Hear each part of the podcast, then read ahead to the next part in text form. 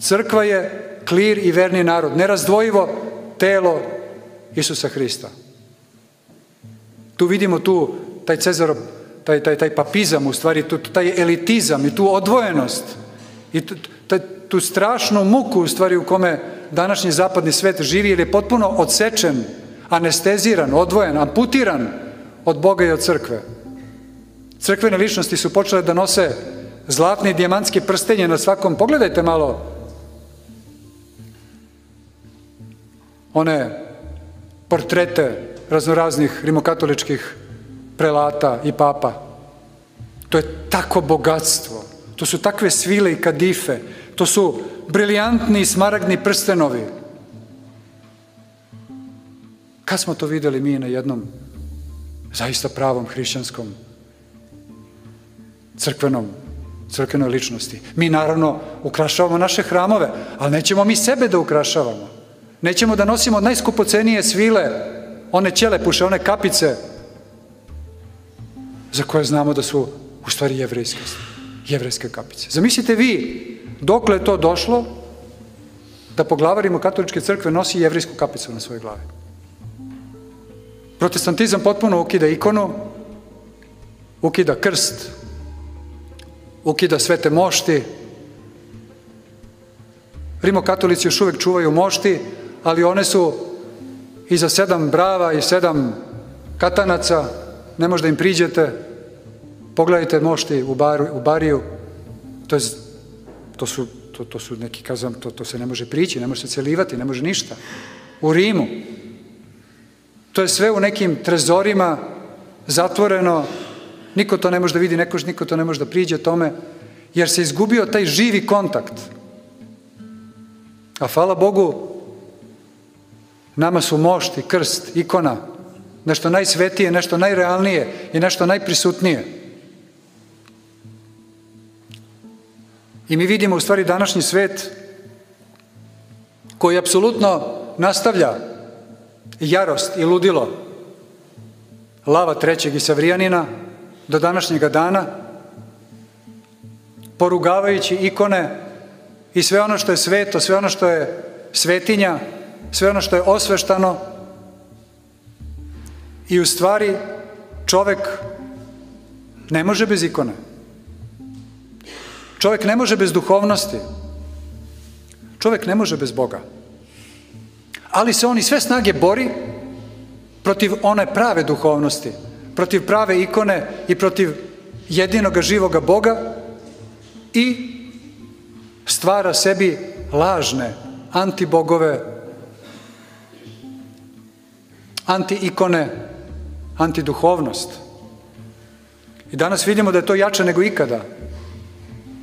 Ne znam da ste slučajno vidjeli, čuo sam da ima i klip na internetu, a ja sam to još pre godinu dana video u jednom jednom časopisu u Beogradu, Beogradskom, kada je nedavno otvoren ovaj tunel ispod Alpa, koji spaja valjda Švajcarsku i Italiju, naravno, jedno od svetskih čuda, u principu. Znači, zaista jedan veličanstveni, uh, možemo reći, spomenik savremene tehnologije, A ko je to video ima prilike da vidi da je na otvaranju, jel da je to stvarno nešto bilo impozantno i veličanstveno, uopšte za narode Srednje Evrope, tako jedan, jedan, jedan skraćivanje tog puta, da je to naravno na otvaranju tog, tog, tog tunela bila jedna velika proslava, jedna velika svečanost. I tu je bila čitava koreografija. Znači, to je neverovatno da je to toliko otvoreno i toliko javno. Pazite, tu su bili prisutni premijeri i predsjednici svih glavnih evropskih država. I tu je koreografija bila tog tipa, da je bila jedna glavna ličnost, muška ličnost, koja je imala, bila je obučena u tanko pripijeno crno nekakvo odelo i na glavi imala veliku masku jarca sa velikim rogovima. Znači mi znamo da je to apsolutno izobraženje samo, samoga satane. Preko raznoraznih panova, bahusa i uopšte, znači, a u svetom pismu zna se ko su koze, zna se ko su ovčice.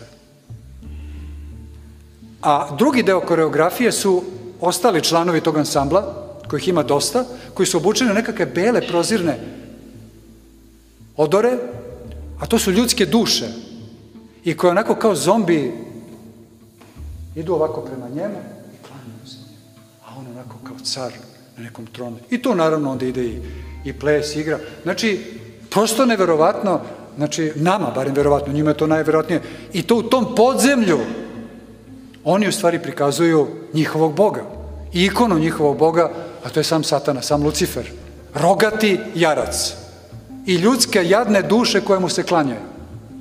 I oni veruju, kao što gnostici kažu, da su Hristos i Satana rođena braća, ali da ga je Hristos prevario, da je Satana u stvari stariji brat i da njegovo prvenstvo u stvari pripada čovečanstvu. To su što, što on liče na jarce, što ima rogove, nema veze. Jer da on će nama u stvari doneti tehniku, napredak, progres. I zato se njemu u podzemlju Evrope klanja današnja evropska vrhuška se klanja jednom rogatom jarcu. A to je tako prošlo, nigde niko ništa o tome nije pričao. Znači, mi tu govorimo apsolutno o formiranju antiduhovnosti, antiboga i anti-ikone. Čitav ovaj svet u stvari je u stvari ovaploćenje, jer po svetom maksimu ispovedniku postoje tri inkarnacije, tri ovaploćenja. Prvo je u tvorevini, drugo je u Svetom pismu i treće je u samom Isusu Hristu. Znači, Bog, Bog je svuda, njegovi logosi, njegovi semeni logosi, lo, logos spermatikos. Znači, to su ti začeci, oni su oduvek bili u Božijem umu. Znači, to je onaj odgovor drevnom, drevnom jeli, drevnoj jelinskoj filozofiji koja je govorila da svet sapostoji sa tvorcem. Da je Ako tvorac postoji od uvek, ali i svet postoji od uvek. I da je svet stvoren od nekakve prapočetne materije koja je sad postojeća sa Bogom. Oni su možda negde nešto naslutili, ali su bili naravno krajnje u krivu.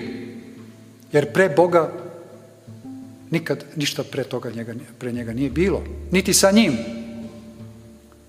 Znači, on stvara sve. Ali,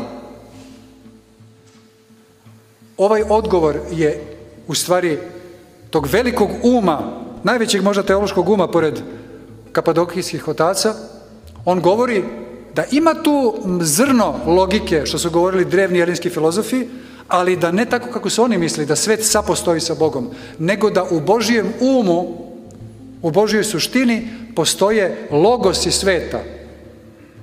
Znači, začeci, semena, svega. Ali Bog isto tako mogu da odluči da ne stvori svet. Znači nije bio prinuđen, nije bio pod nikakvoj nužnosti.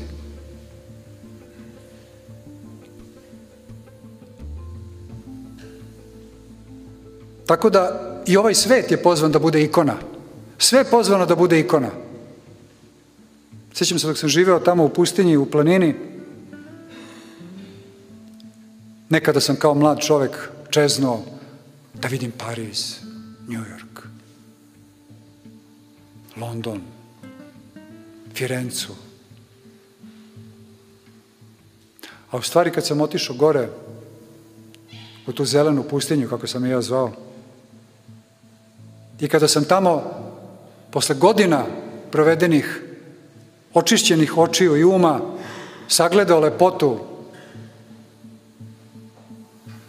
tog stenja, te šume, tog neba, zalaska i izlaska sunca.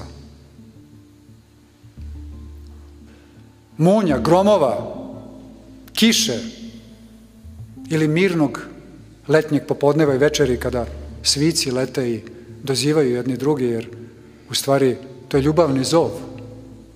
Svici svetlucaju i dozivaju jedno drugo da se vole. E tu sam u stvari video da je, da je to bila jedna velika ikona ispred mene. Ja sam se klanjao, ali ne kao Spinoza u tom panteizmu, gde je on govorio da je sve Bog Da je, svuda, da je sve Bog, kao što ih Indusi govore. I majmun je Bog, i krava je Bog, i čovek je Bog, i mrav je Bog, i ovo drvo je Bog.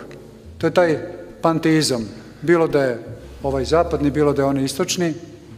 Ne. Tu se samo prepoznaje Bog, kao što ni ikona nije Bog. Mi u ikoni samo prepoznajemo Boga. I obožavamo Boga poklanjajući se ikoni. Isto kao u ratu, kad vojnik je u rovu i u strašnim, teškim momentima on iz svojih nedara izvuče sliku svoje žene i svoje dečice i ljubi je i sa njima je blizak. Ali on zna da to nije taj papir. Nego samo kroz taj lik, kroz tu ikonu, kroz taj imidž, on u stvari dolazi do svojih ljubljenih. E tako mi kroz ikone, kroz svoje bližnje, kroz sveto pismo, kroz prirodu, mi vidimo Boga, klanjamo mu se, obožavamo ga, ali ne prirodu, ne taj kamen, ne taj cvet, ne tu pčelu, ne taj predivni poj, iako je predivan, nego samo onoga koje je sve to stvorio i pustio u pogon. I to je u stvari jedna velika i predivna ikona